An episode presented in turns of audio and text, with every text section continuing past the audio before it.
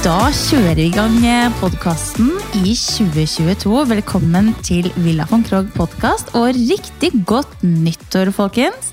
Jeg håper dere har hatt en strålende fin jul, og at dere har kommet eh, godt i gang med 2022. Og i dag så har jeg meg, eh, med meg en gjest som jeg har øvd eh, på å si navnet til, så ikke jeg sier det feil, og det er da Linda Handeland. Var det riktig, Linda? Ja, det var riktig. Ja, for det jeg har liksom, Er det handleland eller handeland? Eller Hadeland. Eller hadeland? Ja, ja. Nei, det er kommer ikke hadeland, og det er ikke handleland. Det er ha... Han, ikke sant? Nå, Nå skjønner du. Nå, nå stokker det seg. Uff a meg. Det er Sånn er vanskelig det. etternavn. Ja, det er det. Men velkommen da, Linda.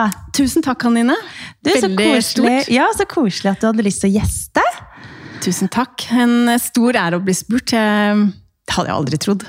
Eh, Skikkelig nervøs. Er du det? ja, jeg gleder meg. Ja, det tror jeg blir Jeg er veldig nervøs. hyggelig. jeg. Ja, det gjør Du det. er jo så fin å prate med, så, jeg, så det var derfor jeg tenkte at du hadde vært en fin gjest å ha med. da, vet du. Det er veldig koselig. Men du, Linda, apropos det der å øve til ting som man skal si, liksom. Man skal si det riktig. Den, Ja. da, den dagen jeg skulle gifte meg med Fredrik, eller dagen før, så satt jeg på hotellrommet med venninnene mine, så skulle vi liksom øve på hvordan jeg skulle si ja i kirken. Og da var det liksom å finne riktig tonefall, så det liksom hørtes litt sånn koselig ut. Men det er så kjedelig, liksom. N- Når man sier det på engelsk, I do, det er litt mer sånn Ja. koselig. Men i Norge sier vi bare ja. Ja. Ja. Ja. Ikke sant? Så prøvde så fant vi en sånn fin måte å si ja på, da. Og så kom vi til kirken dagen etter. Presten har spurt Fredrik, Fredrik sa ja. Så var det min tur, og jeg fikk da jernteppe. Og guri land. Så det det endte med, det var at presten spurte meg. Jeg klarte ikke helt å svare, jeg bare så på presten.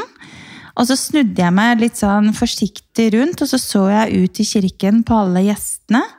Og så snudde jeg meg tilbake, og så klarte jeg å si ja til slutt. da. Men jeg har det jo på film, og det tok syv sekunder. Og Fredrik stakkar står ved siden av der og bare Har hun ikke tenkt å si ja? så, Å, det er skummelt. ja, så man må ikke øve for mye på ting. Nei, nei, må ikke det. Men eh, Linda, det vi skal snakke om i dag, det er jo rett og slett eh, litt eh, dine interesser fra barnsben av. Hva du holdt på med når du var lita jente, og hva du driver med den dag i dag. Og så, i og med at du har bygd hele to hytter, Mm. så kan vi jo snakke litt om det å bygge hytte. Og kanskje komme med noen gode tips til de som eh, går med den drømmen. Ja. Ikke sant? Og så er det ønskelisten da, som er lille desserten til eh, slutt. Og den er litt sånn tricky Ja, nå rett den er etter tricky. ja, Litt eh, tricky nå rett etter jul. ja. Jeg tenker at jeg har ett ønske, men så har jeg to drømmer. Ja. Er det innafor? Du, det er kjempebra! Ja. Ja. Men eh, la oss bare fyre i gang, da. Nå skal vi jo snakke litt om deg først og fremst. Hva var det du syns var veldig gøy når du var liten jente? Du vet du hva, jeg er jo dem, eller jeg har dødt meg selv til å si at jeg er en magasinoman. Ja? Eh, fordi eh, jeg har liksom alltid vært oppa, opptatt av magasiner, uansett hva det er. Jeg leser jo alt. Alt fra jakt, hund og våpen til vi menn, til Tara, kostyme og alt som egentlig blir, kommer ut i butikkhyllene. Ja. Men når jeg var liten, så var liksom eh, hver gang vi var og besøkte bestemor, så hadde jo hun Norsk Ukeblad, Allers, Hjemmet og disse her, og de fikk jeg. Ah. Og da tok jeg de med meg hjem, og så klippet jeg ut de fineste bildene. Ja. Og så lagde jeg mitt eget blad. Eh, Men for å få litt sånn tekst og innhold til det her, så måtte jeg jo fylle på med litt andre ting også, så da gikk jeg i skuffen til mamma. Ja.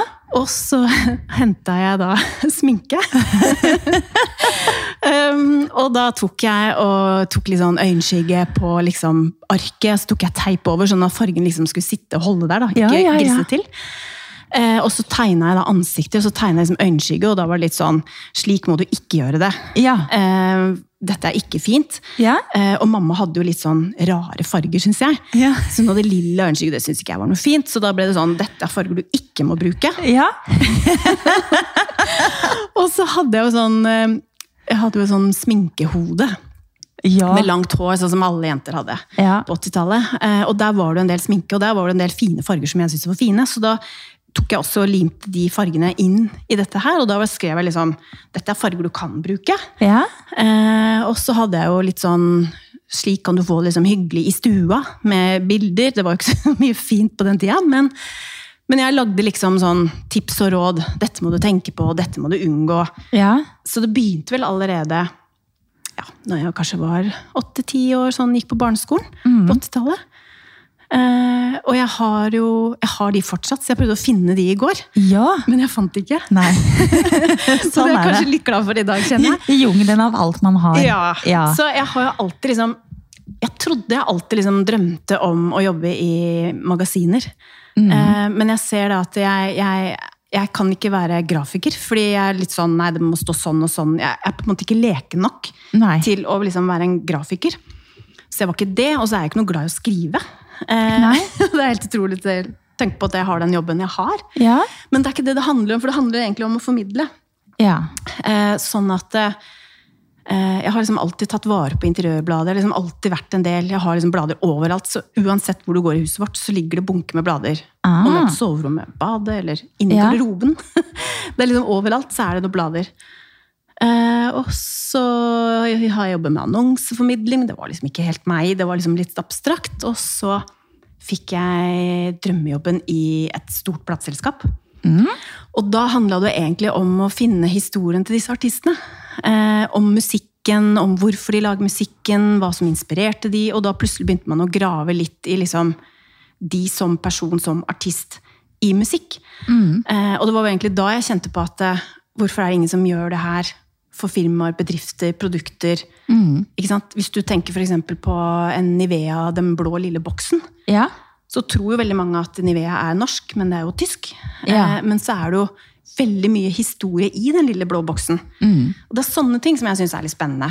Mm. Ja. Eh, og så er det jo mye annet som også er m- morsomt å inform eller formidle, da. Så når jeg jobba da i plastbransjen, så tenkte jeg hm, kanskje jeg skal starte eget firma. Ja. Eh, og gjøre akkurat det, og formidle disse historiene og det som ligger bak.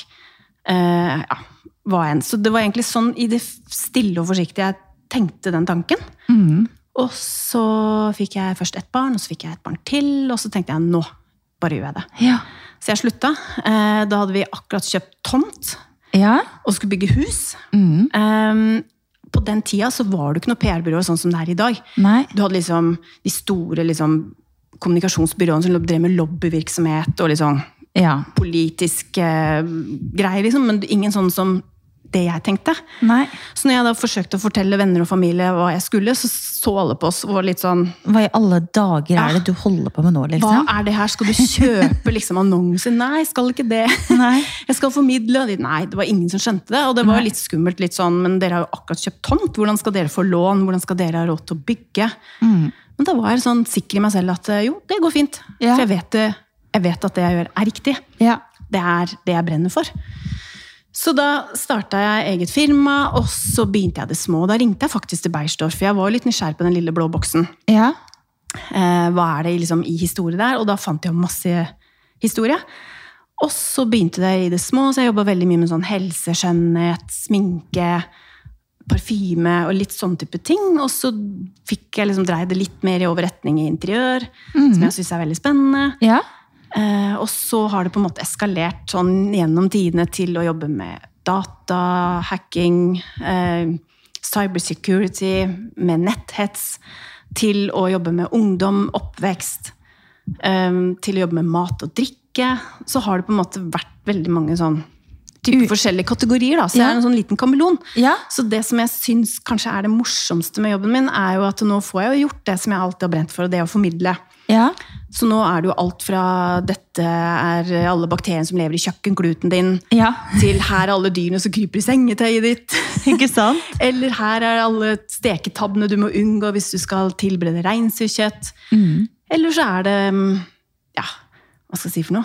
Eh, Det har også vært en del helserelaterte saker som jeg jobber med. Hvor jeg har jobbet litt sånn undercover for legemiddelbransjen. Hvor eh, jeg ikke kan fortelle at jeg faktisk jobber, men ja. Så da har man jo møtt og kommet tett på mennesker som kanskje har en forferdelig sykdom. Som det er få som snakker om. Ja. Så man møter jo liksom alt i den verden hvor jeg jobber i nå. Utrolig spennende. Du, får- vil, du får jo mye kunnskap av veldig mye ulike ting da, Linda. Ja. Ja. ja, av og til så tenker jeg at jeg er glad jeg ikke eh, Hva skal jeg si for noe? Eh, av og til så tenker jeg at jeg er glad jeg ikke vet bedre. ja. Faktisk. Fordi det er, det er veldig mye som kommer frem som jeg tenker å herregud, Ja. er dette virkelig sant? Mhm. Eh, og det som er fint, er at vi har jo veldig mange sånne gravjournalister i Norge Mhm. som virkelig tar et dypdykk eh, og gjør ordentlig research, så sakene blir faktisk ganske store. Mhm. Eh, og det føles så godt å på en måte kunne hjelpe den pasientgruppen som da f.eks. ikke får medisiner, eller ikke får den hjelpen de trenger fordi de er for få. Mhm. Til at det koster for mye å gi de medisiner og den hjelpen de trenger. da. ja. Så det har vært en del sånne hjerteprosjekter som det, som er eh, utrolig spennende og gøy, men utrolig vondt Ja. og sårt. Mm. Så jeg kjenner jo litt på den siden også. Og så Ja. har jeg jo da de mer morsomme sakene som handler om barn, oppvekst, hvor mye mat betyr for hjernens utvikling. Og Så er det kjempespennende å lære, lære. Og jeg tenker at hadde jeg fått barn i dag, så skulle jeg ikke putta i det i den nærmeste barnehagen fordi det var praktisk. Nei, ikke sant? Jeg skulle ønske jeg visste litt mer om det jeg vet i dag. Og kanskje gjort litt mer research rundt det, da. Men der også føler jeg, bare sånn i forhold til barnehager, der føler jeg også at eh, det er mer og mer i tiden. At Mm. de liksom har litt sunnere mat, og de er mer, det det er mer i fokus, da. Mm. Eh, og ikke nødvendigvis liksom, Og det å ha sukkerfrie barnehager, for Ja. eksempel. Ikke sant? Og Så- mat. Og det er jo ikke alle barn faktisk som har matpakker. Nei. For de har eh, foreldre som ikke har råd til å gi dem med matpakke. Så det er jo på en måte det å utjevne disse forskjellene og tilby noe som alle barn kan få. Da. Um, og det er jo litt sånn som jeg syns er spennende, er jo hvordan de jobber i barnehagene med dette med matte og vitenskap. Ikke sant? De graver ned f.eks. en gulrot. Eh, De graver ned en spiker og en plastikkpose. Ja, ja. Og så graver de det opp igjen etter tre måneder, og i den perioden der så undrer de seg over hva skjer, og hva tror de, og hvorfor tror de det. Og Ja. så graver de opp, og så ser de at oi, gulroten den er borte. ja, den er borte, ja. Så snakker de om hvorfor er den borte. Eh, og så har du liksom hva skjedde med spikeren, hva skjedde med plastikken, ja. og hvorfor ble det sånn? Og så lærer de så mye, og du kan jo se når du går tur med barna, det, oppleve det fortsatt. Så kan jo Ellas eller Felix, våre barn, spørre meg om ting. Så klarer jeg ikke å svare.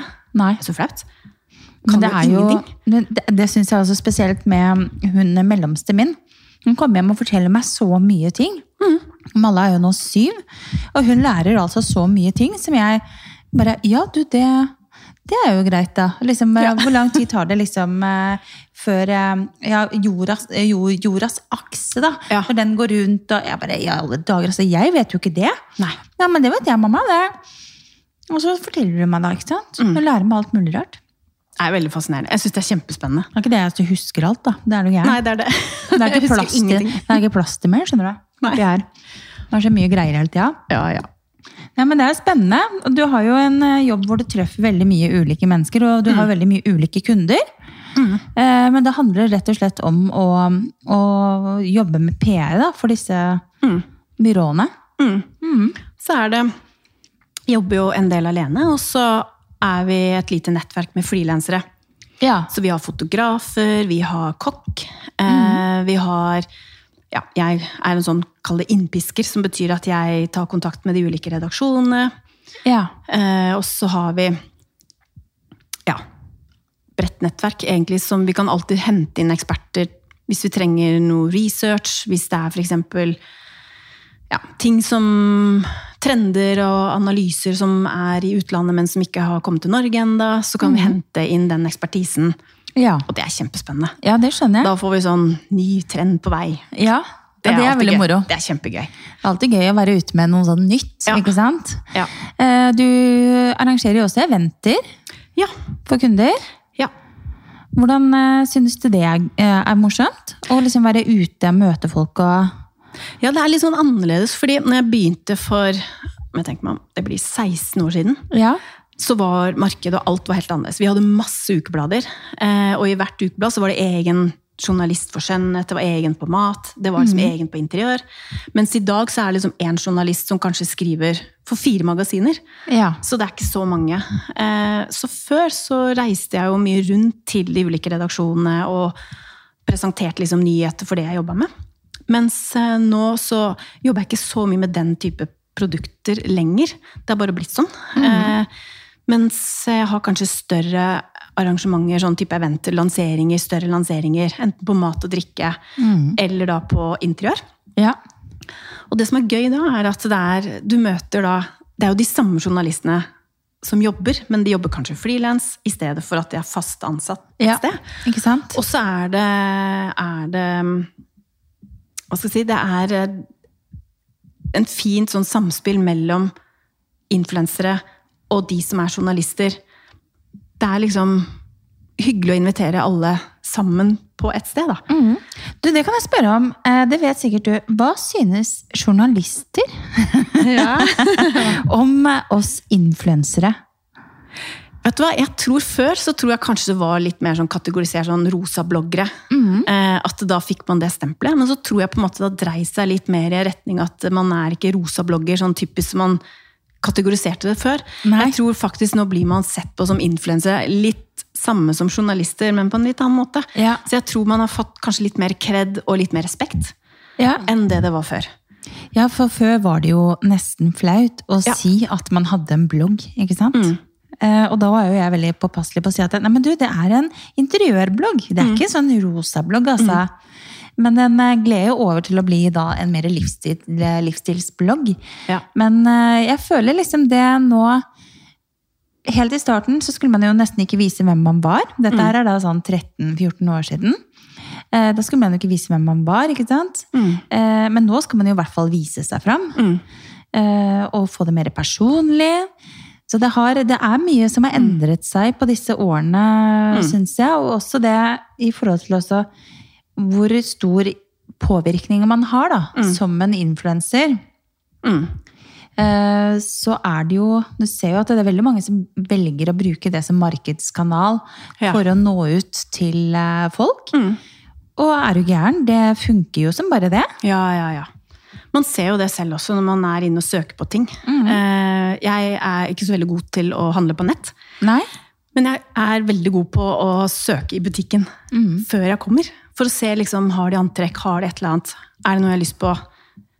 Ikke sant? Hvis det er en bukse eller en bluse, eller et eller annet, så prøver jeg liksom å se på Instagrammen deres faktisk, før jeg liksom kommer i butikk. For da kan jeg komme og si Jeg orker ikke å gå og titte og lete i disse her butikkhyllene. Jeg synes det er forferdelig.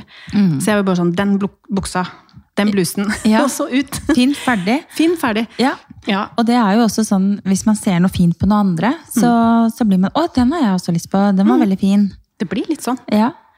Det er, em, det er liksom morsomt, fordi jeg husker, eh, når jeg starta opp, så husker jeg var invitert til en del sånne redaktørlunsjer. Ja. Og da fikk vi navneskilt. og den gangen så, så hadde jeg em, eh, Hva er det jeg må tenke på? Eh, Jeg hadde et, egentlig et litt annet navn. Jeg hadde handla om promotion, for da tenkte jeg at da skjønner alle hva jeg driver med. Ja. Men det gjorde jo ingen. Nei. Så hver gang jeg kom og var liksom sånn, Ja, det er Linda Handeland fra Handeland Promotion. Så var det alltid sånn Hæ? Var du- Hvem er du, liksom? Nei, det er meg, liksom. Nei, jeg syntes dette var rart. Så tenkte jeg nei, jeg må bytte navn. til Ja. Handeland PR. Men da også husker jeg at jeg var litt sånn anonym. Eh, selv om jeg ble invitert, og jeg kjente jo journalister og sånne ting, men de som satt liksom i døra liksom krysset av disse listene på hvem som kom, de skjønte aldri hvem jeg var. Nei. Og så har jeg egentlig sånn, fortsatt en dag i dag, så er det ikke alle som skjønner hva jeg driver med, eller hva jeg jobber.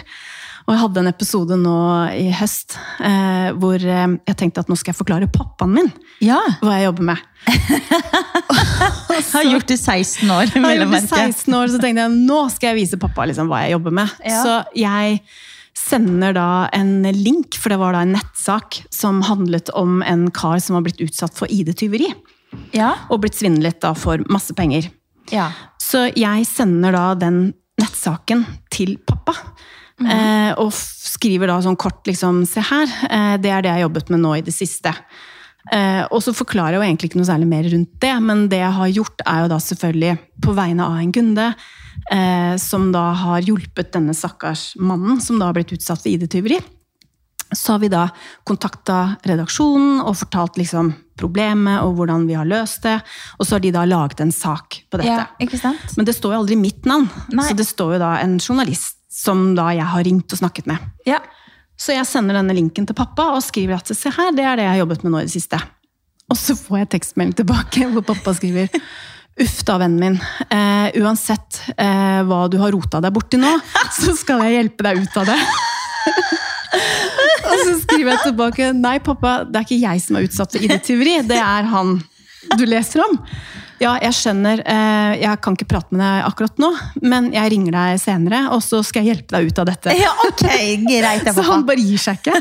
Og så skriver jeg nei, nei, pappa, det er ikke jeg som trenger hjelp. Eh, Det er på en måte kunden min som har hjulpet denne personen. Og jeg har kontaktet redaksjonen. Hva? Hva mener du? Eh, Det står jo ikke ditt navn. Nei. Så sier jeg nei, det står aldri mitt navn, for Nei. jeg jobber bak. Ja, bak, i- behind. bak i- i kulissene, Bak rett i og slett. Mm-hmm. kulissene. Og så skriver han bare nei, dette blir bare tull. Eh, Vi snakkes nærmere i kveld. Fantastisk. Og fortsatt så er han litt sånn, han skjønner liksom ikke helt. Nei. Og så prøver jeg liksom å vise han når han, er, han bor i Molde, så han er på besøk. Ja. Innimellom så prøver jeg liksom å vise liksom, se pappa. Så har jeg for eksempel Camille, da, så viser jeg liksom sånn, se her, en sånn kjøkkenmaskin.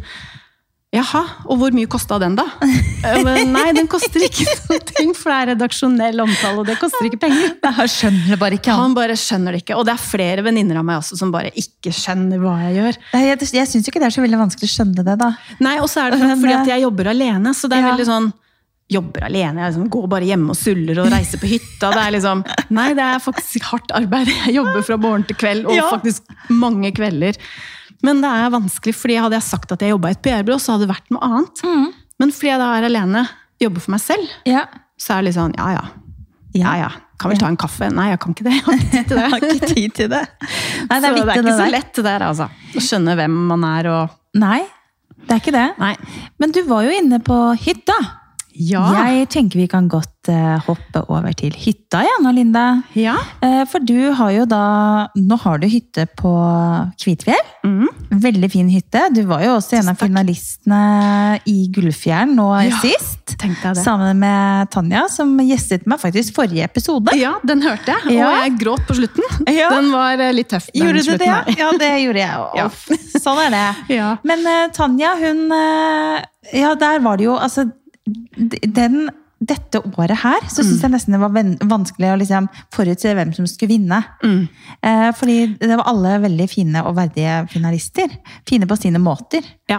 Så, og Tanja er jo helt ram Ja. på å ta flotte bilder og lage fine stemning i bildene sine. Så Jeg var helt sikker. Når, eh, når jeg så hvem jeg var i finalen med, så visste Ja. jeg med en gang. Og jeg sa det til henne. Vet du, du- denne her vinner du. ja. For hun har, hun har den X-faktoren. Den som på en måte bare Det er en sånn kjærlighet og en varme i de bildene. ja, det er I alt faktisk hun det. gjør, og i henne. Ja. Så, så jeg følte liksom at jeg vant når hun vant. Så Ja. følte jeg at jeg vant litt, jeg òg. ja, du gjorde Så- jo det. Ja, ja, og Gud, det, Absolutt. var, altså, det å bli nominert, altså, det var eh, Hvis det er stas. ja, vet du, det var helt sjukt. Og det kom på en tid hvor jeg faktisk trengte å snu hjernen min og snu tanker og snu alt. Jeg var dødssliten, kjempelei meg, og det har vært en ganske tøff sommer. Ja. Så når den her tikka inn, og da var jeg faktisk på hytta, og den tikka inn om morgenen, så ble jeg livredd. Jeg Ja. tenkte bare, hva er det her? Lille meg. Og, og jeg skjønte egentlig ikke sånn hvordan det skjedde, for Tanja hadde noe å liksom vise. Hun har nydelige bilder. Jeg hadde jo liksom få bilder, faktisk. Det var ikke så mange bilder som lå ute den gangen, så jeg tenkte hvem i all verden er det som har nominert oss? Og så hadde Ja. jeg ikke fått det med meg. Så, så det var litt sånn rart hele Men jeg var ikke på Instagram den sommeren, for det var så mye som skjedde med mamma som var syk. Sånn at jeg, jeg har nok gått glipp av at det faktisk var en nominasjon. ja, ikke Eh, sant? Så jeg ble så veldig tatt på senga, og jeg satt jo faktisk i senga når jeg leste den meldingen. Så tenkte jeg å herregud, hva gjør jeg nå? Dette er skummelt. Jeg er jo bare sånn liten en. eh, Og jeg har jo liksom Ikke kan jeg borddekking, og vi er supertrege med, og vi har ikke fått på plass gardiner. Det var liksom masse som mangla. Så alt var litt sånn nytt og uferdig. Og vi hadde jo egentlig Vi fikk hytta i august. Ja. Og så var denne nominasjonen var vel i oktober-november-ish. Ja, sånn det kan ish godt være. Mm. rundt der, tror jeg det var. Så det var veldig sånn ferskt og litt sånn ting, og jeg tenkte bare oi, oi, oi, nå ble det mye. Og så hadde jo Bonytt vært der, og det, plutselig så eskalerte alt. Ja, fordi alt gikk veldig fort. Jeg Det gikk husker det jeg også. Dere hadde liksom nærmest bare flytta inn i hytta, Ja. og så var det Gullfjern, og så var det Bonytt, og så Ja. var det ikke Bergen og sant? Holm var vi Ja. plutselig nominert til, og da skjønte jeg heller ingenting. Eh, vi Er har jo ikke det- en plank fra Bergen og Holm, så det var litt sånn oi, hvordan havna vi her? Men det er jo Det viser jo litt til at du faktisk har klart oss å skape en veldig fin hytte òg, da, syns jeg. Eller dere sammen. Eh, tusen takk. og jeg synes jo eh, synes jo på en måte det at du har satt sammen litt, eh, altså som de lampene dine over Åh, Ja. Over kjøkkenbordet ditt. Det er jo bare et smykke Det er jo et kunstverk, rett og slett. Ja, tusen takk. De er helt, eh, de er helt nydelige. Og de Det også var litt sånn morsomt, fordi eh, Hvis jeg kan klage litt til Christian, min kjære mann, om Ja. at vi aldri drar på sånn kjærestetur. Ja. For vi pleier alltid å ha med oss barna når vi reiser rundt omkring. Mm. Og så, hvis jeg da piper litt om det, så får jeg litt sånn eh, De lampene over det spisebordet er vel kanskje en liten kjærestetur? Ja. Vil du heller det, eller vil du ha de lampene? Lampene. Lampene! det var det det ble. Ja. Så, nei, så de, er, de kom faktisk De hadde jeg kjøpt før vi egentlig bygde hytta. ja. Så Fra England, var det det? ja. Ja. Skikkelig styr. Herregud, så jeg fikk hjelp av en venninne til å bestille og ordne det. Og de kom i sånne kjempesvære kasser. Ja. eh, Og ble sendt fra England som sånne kunstkasser. Denne Ja. side opp, og det var ditt Guri og land. datt. Og det tok jo halve garasjen, for det var jo liksom én lampe i én eske. Så det kom på en pall. Herre min hatt! Så, Men det var verdt det, da. Det de var er jo virkelig så verdt det. sinnssykt fine. Jeg kunne godt tenke meg et par av de, jeg også. Ja. Men eh, ja, det var det budsjettet, da. Det Ja. var det. Det er jo sprengt allerede.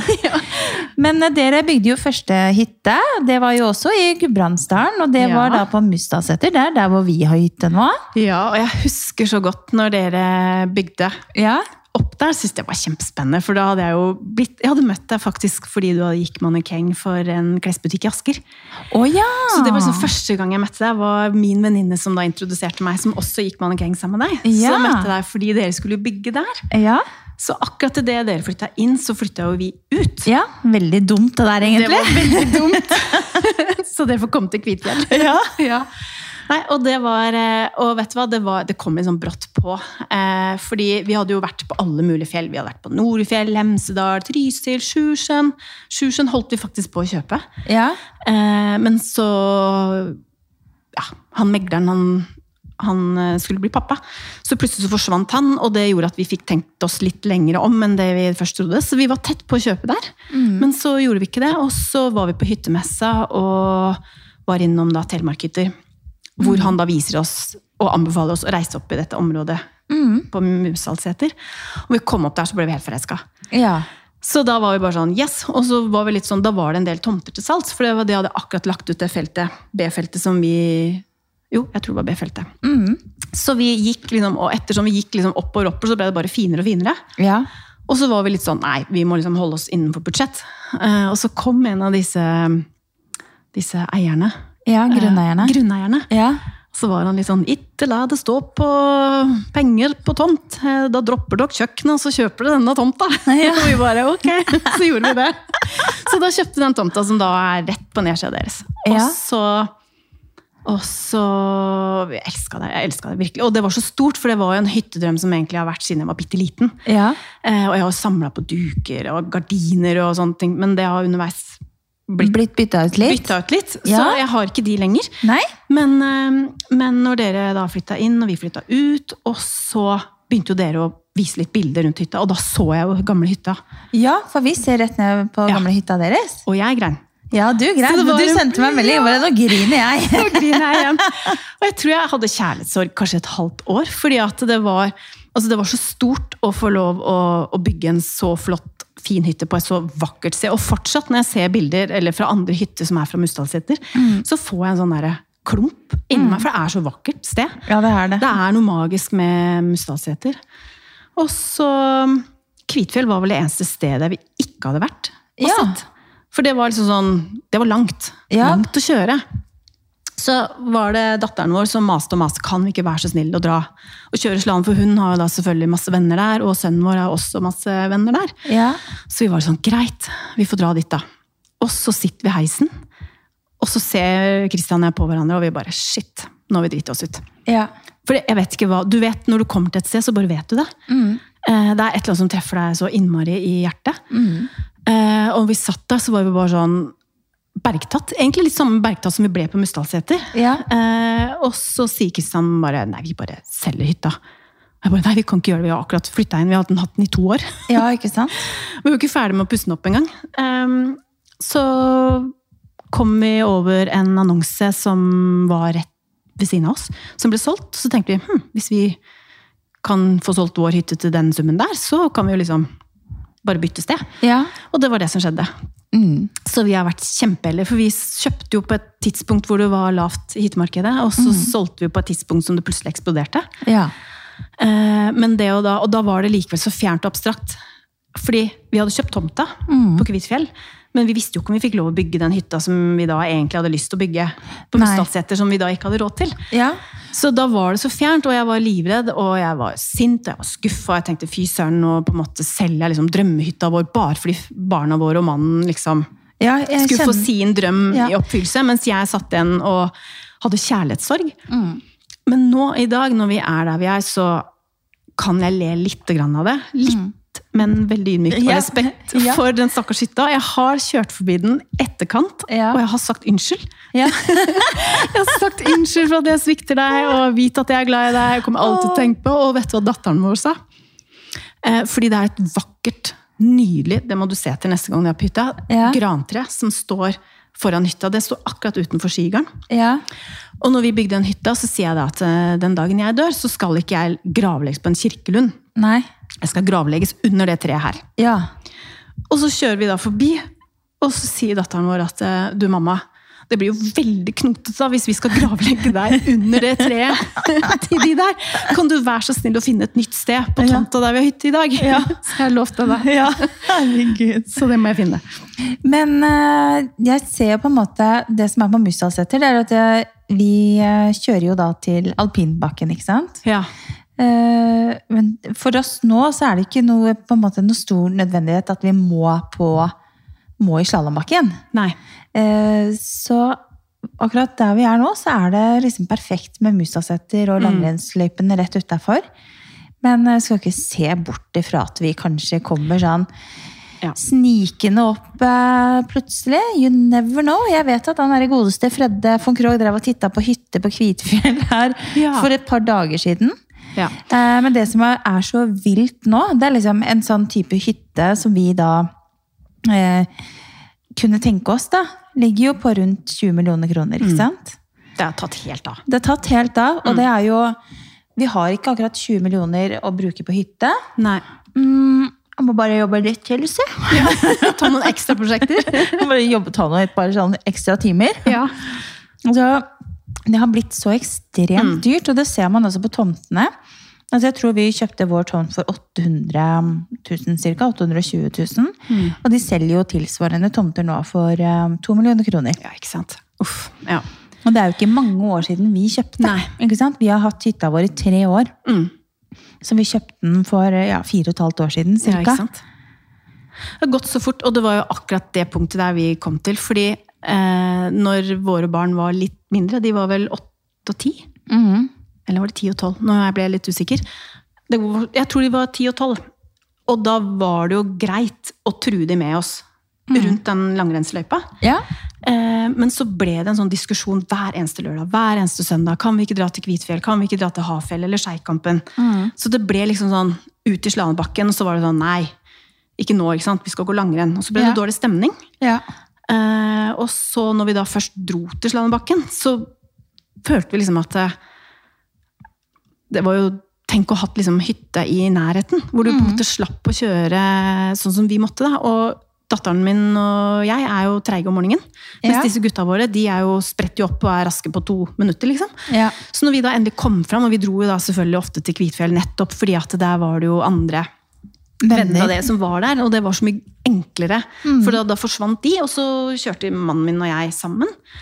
Eh, og så når vi da skulle hjem, så ble det dårlig stemning, for da ville de være igjen. Fordi at da var de invitert til å overnatte, og så var vi litt sånn, nei, vi kan ikke dra til Kvitfjell på søndag og hente de, for så å dra hjem til Oslo.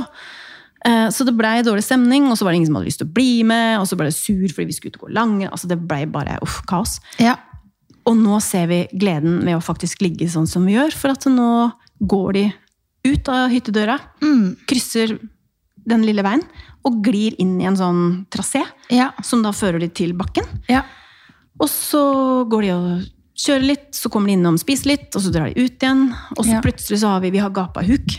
Ja, Eh, og den har det jeg sett. Den er er sånn veldig fin. undervurdert. Ja. eh, Det anbefaler jeg alle å få til hvis de klarer. For den har virkelig vært mye brukt. Ja. Og da kommer de inn til oss og har liksom afterski.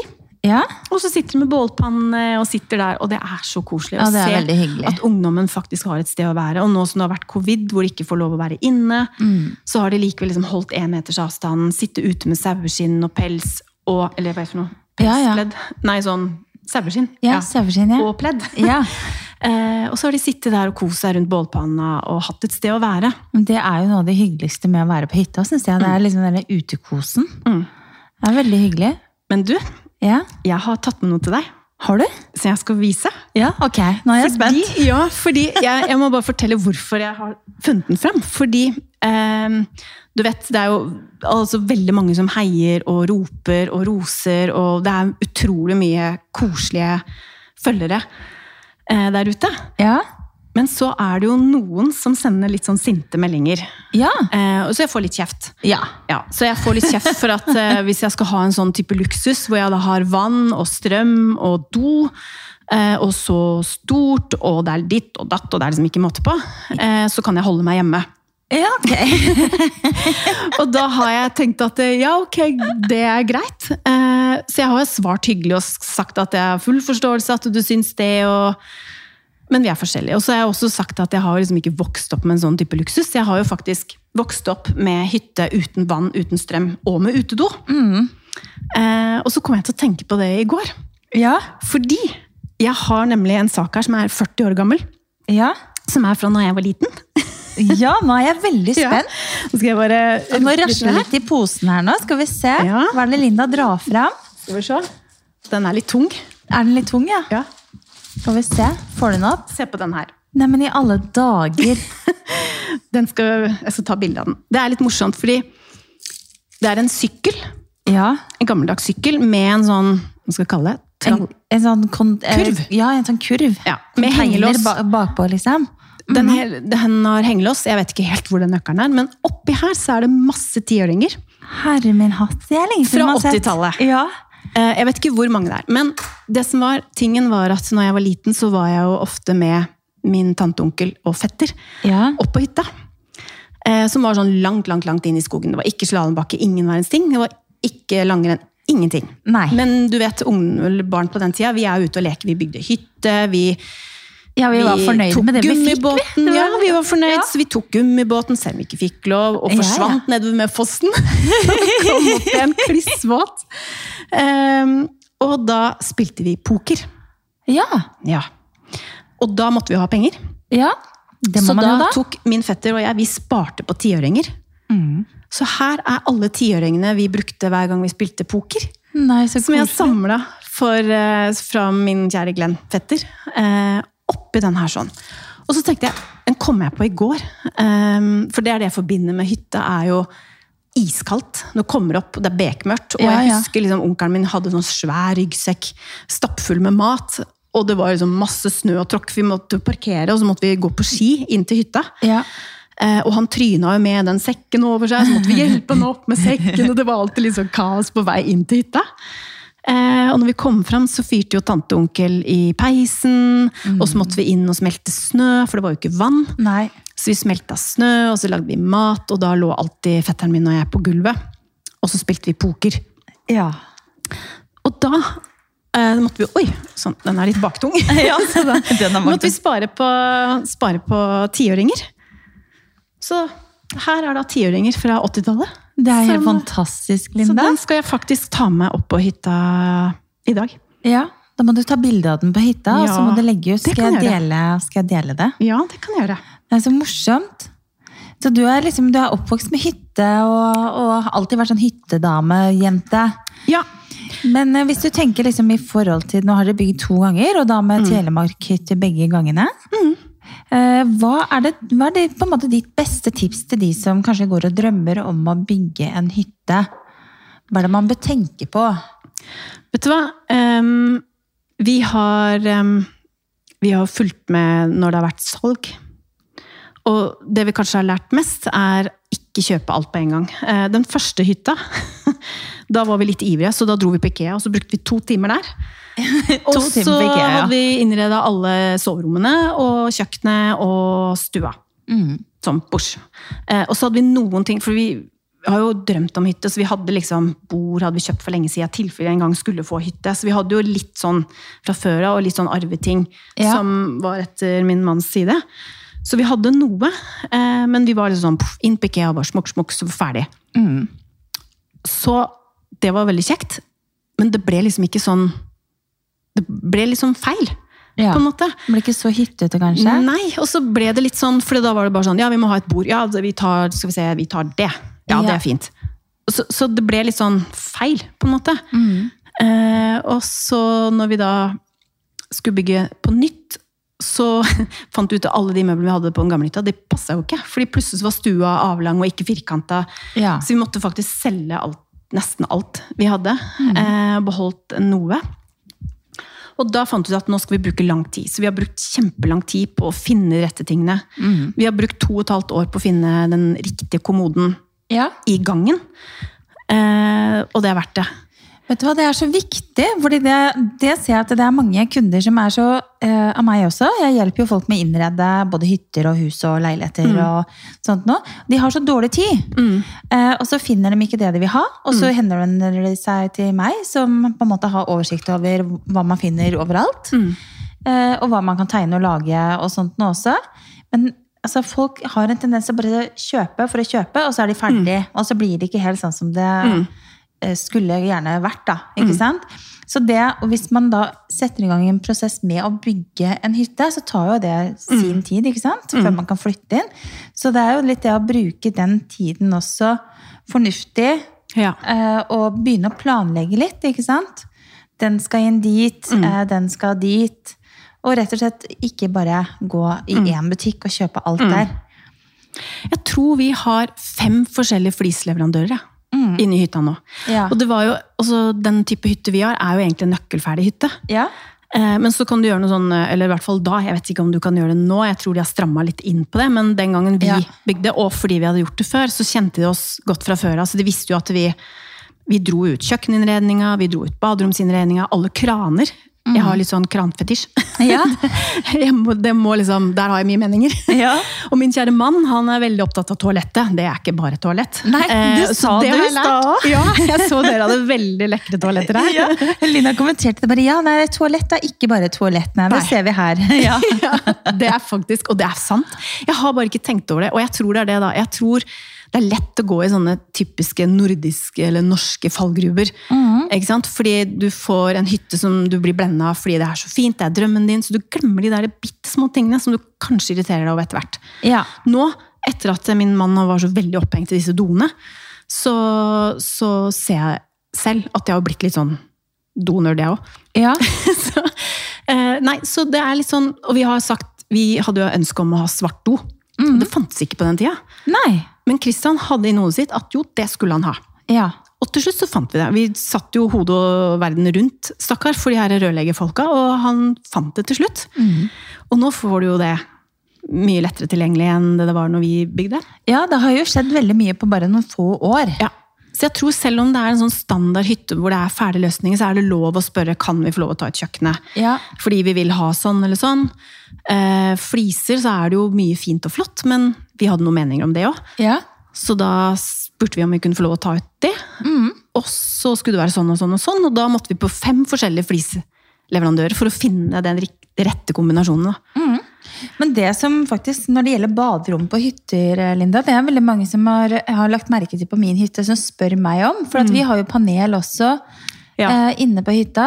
Og så har vi skifer, eh, bruddskifer. Og så har vi fliser i dusjsonen, bare. Mm. Så vi har jo liksom da brukt liksom veldig mye ulike materialer Mm. inne på ett bad. Og det kan man også fint på, fordi gjerne på, sånn, på ferdighytter så er det gjerne helt flislagt Ja. bad. mm. Så hvis man ikke vil ha bare fliser overalt, så kan man jo si at vi ønsker gjerne å ha noe panel på de og de veggene. Ja. Ikke sant? Så det, man må på en måte bare tørre å tenke litt annerledes, tenker jeg. Og, og se på Pinterest og mye Instagram. Det er jo så mye fine hyttekontoer, og store hyttekontoer som også bare deler andres hytter. ikke sant? Der får man jo masse fin inspirasjon, da. Men det handler litt om å tørre å gjøre det på sin Mm. egen måte, og ikke bare liksom gå for de vanlige løsningene. Selvfølgelig, det er jo ikke noe gærent i det heller, men hvis man liksom har lyst til å gjøre det til litt Mm. sitt eget, så kan man eh, ta ut litt ting, da. Sånn som dere har gjort da. Ja. Det er én ting som går igjen, Ja. ser jeg, eh, og det er plassering av TV. ja. Det er en utfordring. Og det Huff, ja. Eh, Det ødelegger alt. Ja, For at når TV-en du går på er jo- visning, så er det jo ikke TV-er. Nei. Eh, Så mange av de som har samme type hyttemodell som det vi har, Mhm. de har spurt liksom, hva gjør dere med TV? Og så har jeg sagt liksom nei, vi har liksom Vi hadde et vindu som egentlig i utgangspunktet var tre eh, hva heter det, tre sprosser. Mhm. Og så det var mye bredere, da, så vi har skrenka det inn til to. Mm. Sånn at den veggen der vi skulle ha TV, ble eh, litt større. Ja. Plass til TV. Mens fordi vi var usikre, så har vi også da gardert oss. Så Ja. hvis vi angrer på det, så kan vi snu alt, og så kan vi faktisk ha TV på veggen inn mot kjøkkenet. ja. Så vi har gardert oss på den. Men, eh, men eh, det blir jo aldri pent med en TV. Nei. Jeg ville jo ikke ha TV jeg, i stua eller kjøkkenet.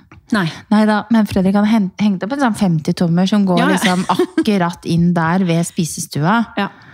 Eh, ja. Det er greit nok. Men vet Jeg du, hva, får vi bare- er jo sånne sofa-TV-mennesker. Vi elsker å se på fe- serier når vi er på hytta. Vi kan jo Ja. se på serier til halv tre om natta. Ja, Så vi er jo sånn Vi må ha TV der. Og vi har også TV oppe i loftstua. ja, Ehm, men der var det greit.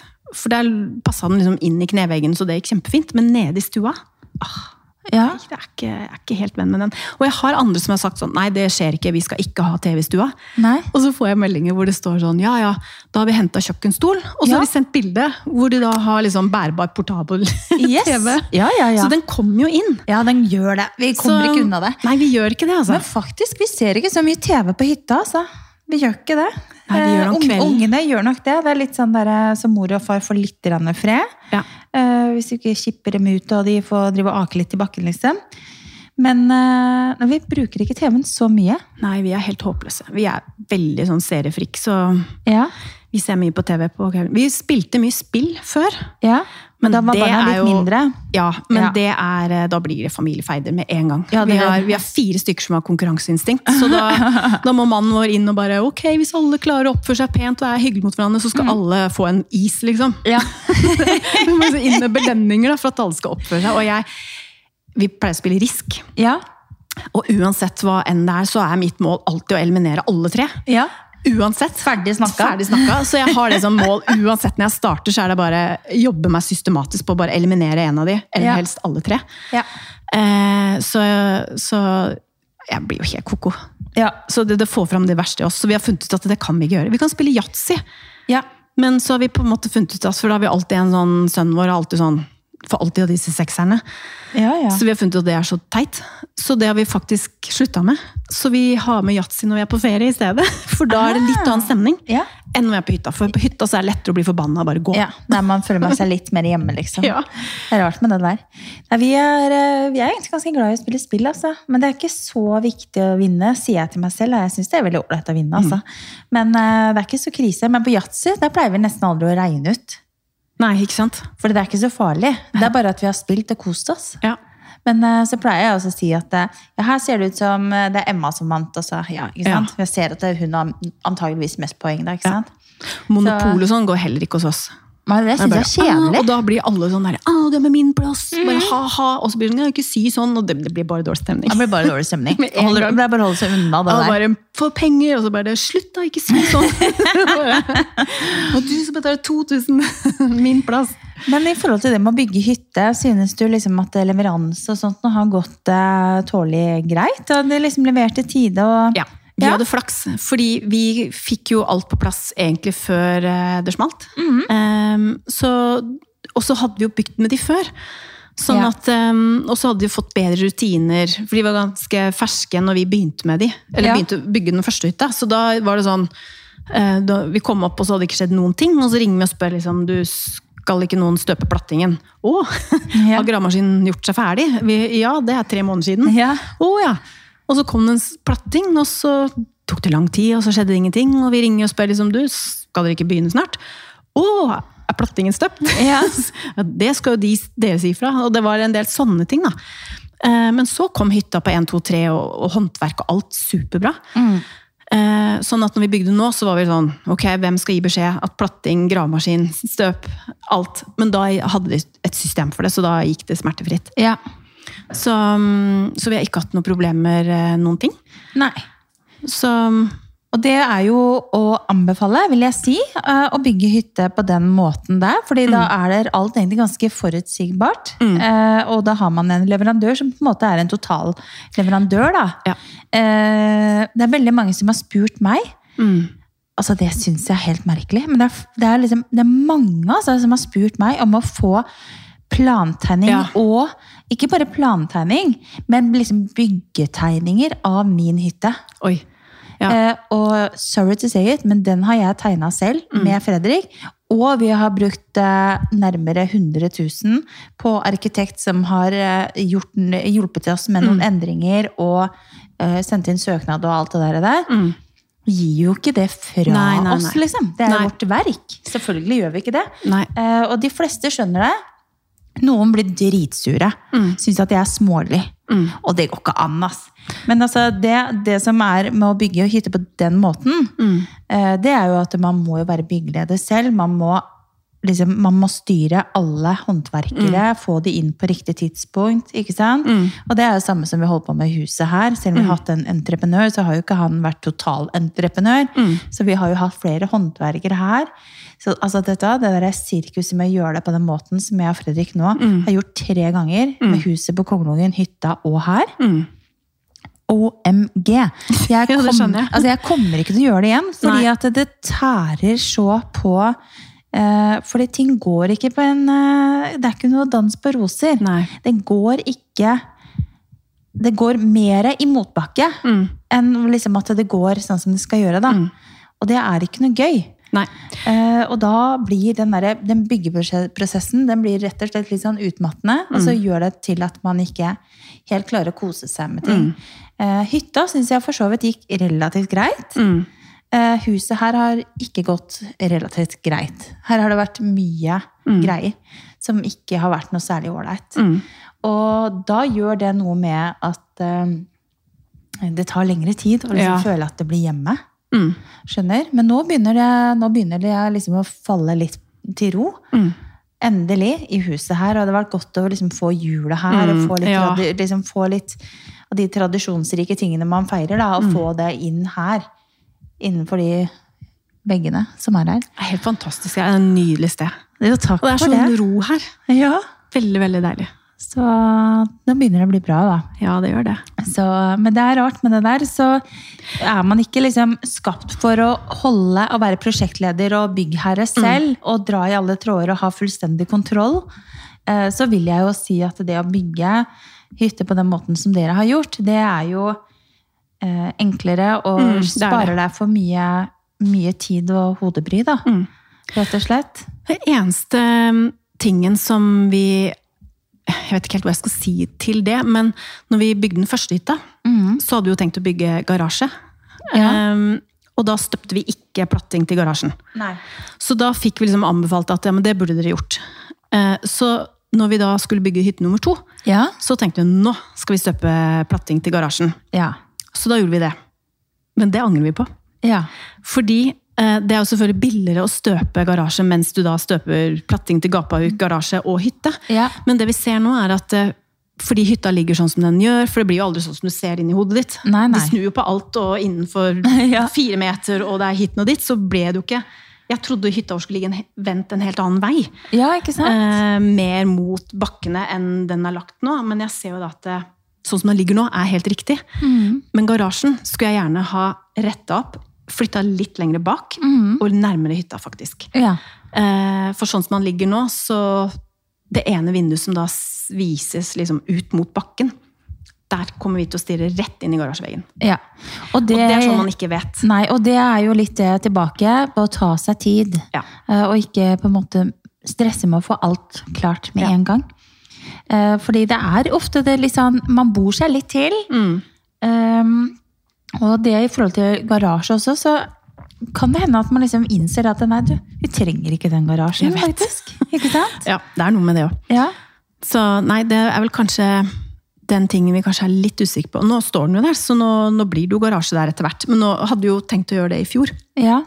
Men det gikk jo ikke. Det var jo verken materialer eller folk. Nei, det var Og prisen er vel helt syk, så det får bare Fader. bli når det blir. Og det ser vi jo. Vi pleier å ha en del sånn motbakke på ting som vi gjør. Eh, Det går jo aldri sånn helt smertefritt, men da har vi tenkt at vet du hva, aldri så gærent at det er godt for noe. For det Nei. vi ser er at i den andre enden, så blir det alltid til det positive. Mm. Så selv om det der og da føles urettferdig, tungt og vanskelig, og vi bare sånn, åh, det er sånn typisk vår uflaks, Ja. så blir det alltid til det bedre. Mm. Så, så det er noe med å være litt tålmodig, og vi har brukt lang tid. Eh, først nå så har vi liksom fått sofa opp i loftstua til barna. Før det så har de bare sittet på eller barna, det er ungdommer, da har de sittet på gulvet på puter. ja. Eh, men de har liksom kost seg med det òg. Mm. Og vi har liksom lett etter metallskap som vi har sett for oss inni hodet. Så har vi funnet for eksempel på Home and Cottage, så har du metallskap. Mm. Ja, men det var ikke helt sånn, den er for bred. Vi trenger en som er smalere, og vi trenger en som er lengre. Mm. Så fant vi en til slutt som vi selvfølgelig fikk opp fra Danmark. Ja. Så vi gjør det ikke alltid lett for oss selv. Nei. Men det er verdt det. Mm. Det er verdt det. Så vi har brukt to år på å få tak i den metallskapet da, fra Danmark. Ja, jeg kjenner litt til det der, og jeg også kan jo være litt sånn med huset her nå, så har jeg også vært litt sånn ivrig på å få ting inn og på plass. Eh, men eh, soverommet vårt nede for eksempel, det er jo først liksom de siste dagene at vi har fått nattbord, og vi har fått fronter på skapene, fordi det har jeg jo ventet på fra Latvia i mange, mange måneder. Jeg bestilte det egentlig i februar. Kom jo ikke, ikke sant? Og de Mm. Nei. var svindyre, så jeg bare, nei, da gidder jeg ikke mer. Kjøper vi fronter fra Ikea, nattbord fra Ikea. Ja. Nei, dette ble fint, ja! Ja, det ble Ikke- Ja, det er ikke så verst. Men så er det jo bare det, fordi selv om det er fronter fra Ikea, så har dere valgt noen andre håndtak. Ja, Ikke sant? Så det er jo noe med å løfte ja de da. små tingene der. Og Så det, jeg det- tror det er det som gjør For det så jeg på den gamle hytta, så hadde vi noen andre krokete av en speil. Mhm. Men når vi da skulle legge det ut for salg, så var vi litt sånn mm, Dette speilet har vi lyst til å ha med oss, de krokene hadde vi faktisk lyst til å ha med oss. Ja. Og når vi da bytta ut speilet og de krokene, så ble det et helt annet uttrykk. Mm. Utrolig hvor traust og trist det egentlig ble. Men Ja. de som kjøpte den, var jo kjempefornøyde og syntes at det speilet og de krokene var kjempefine. Ja, ja. Men vi visste jo hvordan det hadde vært, så vi så jo ikke den skjermen. Nei. Så det er noe med de små tingene. Ja, det er det. Så må man bruke litt tid på å finne ut hva er det man faktisk hva er det man har behov for. Hva er det som Ja. er praktisk og funksjonelt, eh, som også er pent. Mm. Eh, men da har jeg blitt helt sånn, begynt å bli litt bortskjemt på det. Ja. Så istedenfor å liksom lete på nettet etter ditten og datten, så har jeg bare begynt å tegne mine egne møbler. ikke sant? Mm. Eh, Så, og det er jo Da er jeg så heldig at jeg har, har gode leverandører og får, får ting til en eh, overkommelig pris. Mm. Så, så jeg må jo bare være fornøyd med det. eh, Og være, ja, være happy med at jeg har den posisjonen jeg Mm. har, da, som kan faktisk få til det. Men eh, det er jo også et tips da, at man kan få lagd skreddersydde møbler til, Ja. til det stedet man måtte ønske, da, ikke sant? Mm. Som eh, for eksempel nede, så fikk jeg jo Brubakken Home til å lage den der kommoden med sittebenk. Ja. Eh, For der trengte vi litt grann mer oppbevaring nede i, i gangen da. Eh, Så da har jeg bare tegna den, og så har de laget den og levert den. Mm. Så det, og det, det er jo veldig morsomt, da. Mm. Og det har jeg eget design på ting. Det er stas. Det er stas. Ja, det er veldig stas. Ja. Og her sitter vi faktisk Ja. rundt Anines spisebord, som er, eh, Rålekkert, altså. som er i nettbutikken deres. Ja. Så nei, det, er, eh, det er liksom morsomt og Men vet du hva, akkurat det der er litt morsomt, fordi det er å finne løsninger som er tilpassa, uten at det alt blir for dyrt. Eh, vi har også da brukt over to år på å lete etter klesskap. Og det er jo sånn at disse hyttene som vi bygger, så kan du jo få kjøpt både senger og, og garderobeløsninger fra, altså, gjennom hytteleverandøren. Men vi syns det, det da blir det litt sånn traust. Ja. Kan bli. Ikke dette er, men vi var litt sånn "Ah, Nei, vi hadde ikke lyst til det. Vi hadde liksom lyst på noe annet. Vi var ikke helt sikre. Og så var vi på nippen til å kjøpe og bestille skap og sånn sittebenk Ja. fra de som da også har lagd senga vår. Mm. Men så var det så dyrt. Det var sånn 25 000. Mm. Ikke sant? Og så er det liksom ikke helt det du egentlig så for deg. Nei. Eh, og så fant jeg faktisk et bilde på Instagram fra en sånn konto, en nylig konto som jeg følger. Og så sier jeg til mannen min at åh, tenk om jeg hadde funnet noe skap som ligna på det her. Ja. Så kan vi bare male det. Å ja, sier han. Og så går det fem minutter, og så sier han bare hei, jenta mi, se her. Da er det faktisk en dame som akkurat har lagt ut et gammelt klesskap. Ja. Som hun har tatt med seg da fra Nederland. Ah, Eh, og jeg ringer henne med en gang og sier at eh, hei, vi er kjempeinteressert. Eh, Pruta ikke på prisen noen ting. Den kosta da 5000, ja. ikke sant? Kontra da 25 000. Mm. Og så sier hun ja, kan du komme og hente det om en times tid? Jeg bare ja, det kan vi. Yes. Så vi reiser ned, og vi bare dør helt. For det er akkurat perfekt. Bredde, høyde, dybde.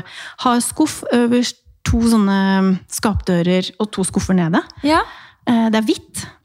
Så vi har jo da malt det i den samme fargen som er på senga vår. Ja. Og så er det bare helt perfekt. Ja, ikke Og så sant? kosta det 5000. Ja, deilig. Åh, og det er liksom Sånne kupp er jo helt gull å, å få til. Ja, det er det. Da blir jeg så glad. Ja, Man trenger ikke alltid å gå for bare Sånn som hytteleverandøren har jo ofte Den lever, lev, leverandøren leverer møbler, og den leverer eh, innredning på bad, den leverer senger og skaper, ikke sant? Man, man trenger ikke å gå bare gjennom det. Nei, for det blir litt sånn Jeg syns det er fint. Jeg ser jo andre som har gjort det, og jeg syns det er koselig og fint og sånne ting.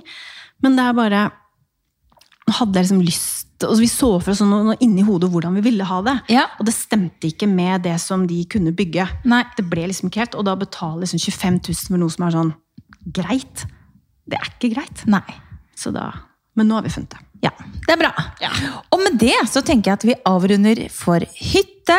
Vi skal gå over til ønskelisten, for nå har vi kjappa og prata i en times tid. Oi da! Ja, Det går jo unna. Ja, det går unna. Eh, men eh, Linda, Ønskeliste, ja. hva er det du har Du hadde jo to drømmer. Ja, Skal vi begynne med den andre tingen først, da, kanskje, på ønskelisten? ønskelisten. Ja. Du vet hva, Og det er sånn jeg glemmer hvert eneste år. Ja? Eh, I dag så hadde jeg tenkt å pynte meg og ha på meg kjole. Ja? Eh, så jeg var på vei og tok på meg strømpebukse, tok på meg kjole, og så løp jeg ned i gangen. Og så skal jeg da ha på meg en jakke, eller en kåpe. Ja. Og alle mine kåper og jakker Jeg har ikke så veldig mange, men jeg har én kåpe som jeg har på meg nå. Ja. Eh, den går til knærne. ja. Og alle mine andre jakker, uansett hva det er, går til knærne. Så jeg har ikke en lang Kåpe? kåpe. Nei. Så da løp jeg opp igjen, og så ble det da, fordi jeg skal på hytta etterpå, så da ble det litt sånn koseklær i stedet. Ja. Så ønskelisten som jeg egentlig glemmer hvert eneste år, hele tiden at jeg glemmer, er faktisk en lang kåpe. Ja.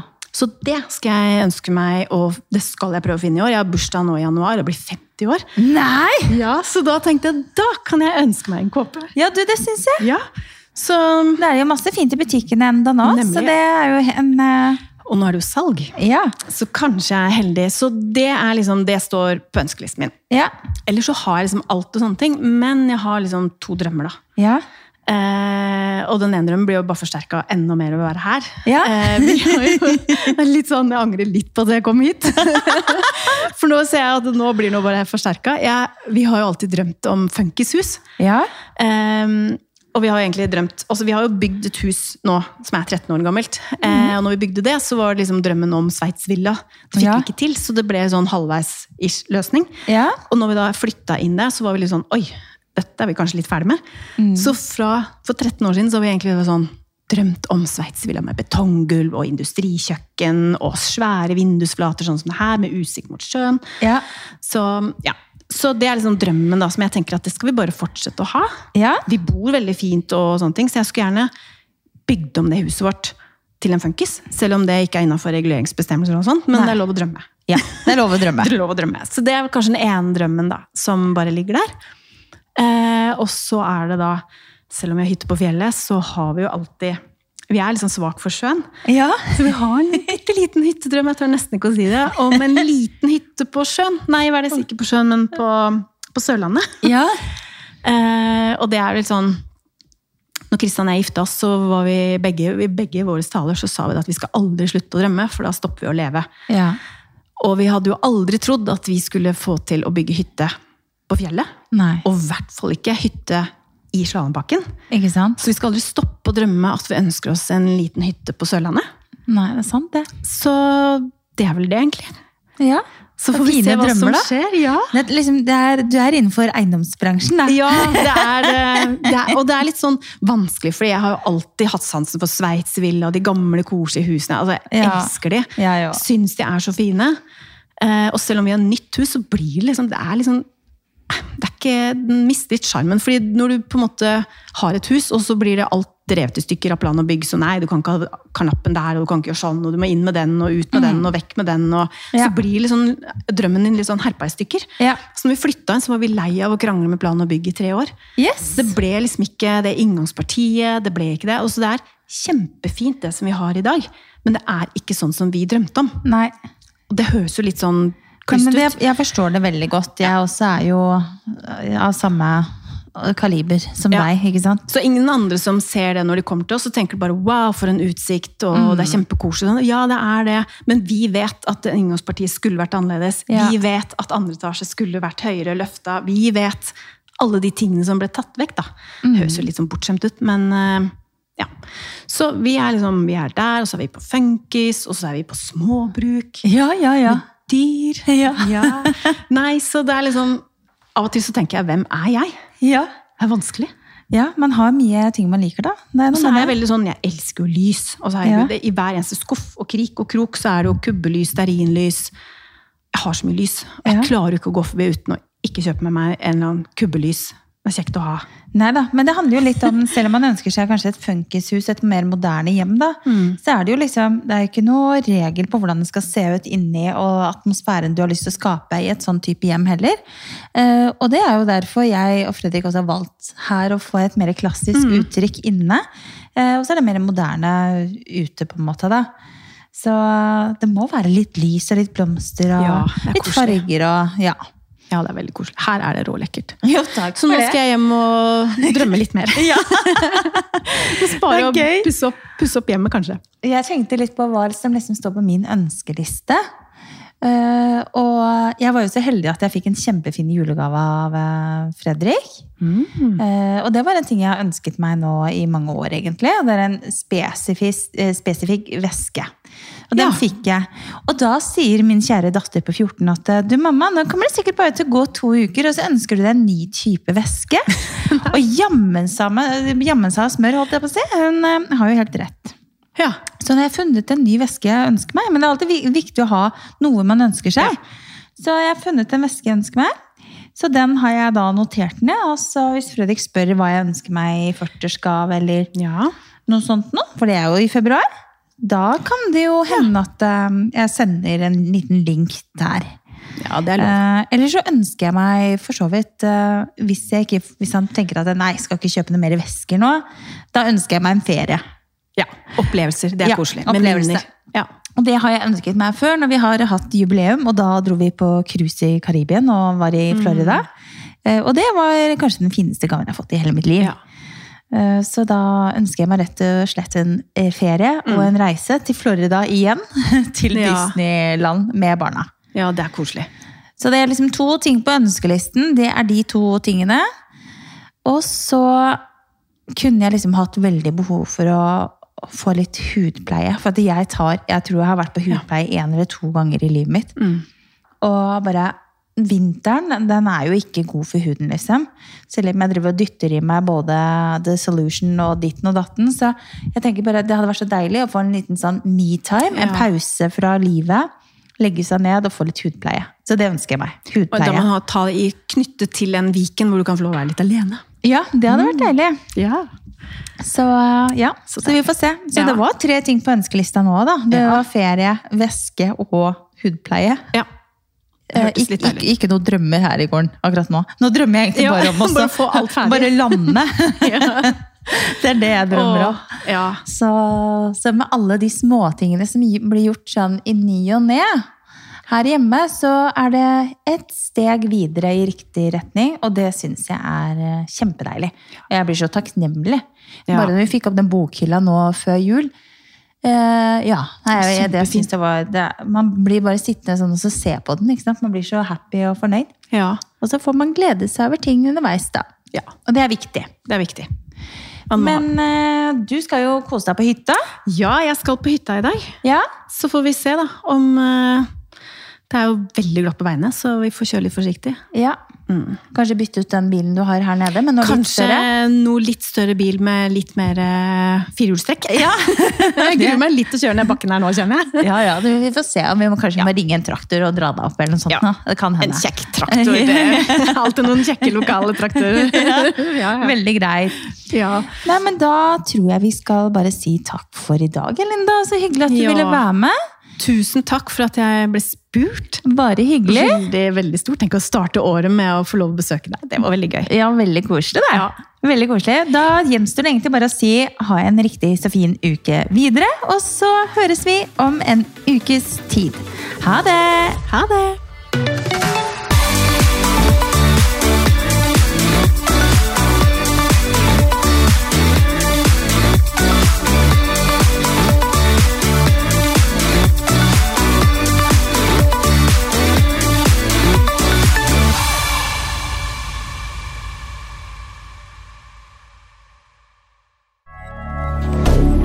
Moderne media.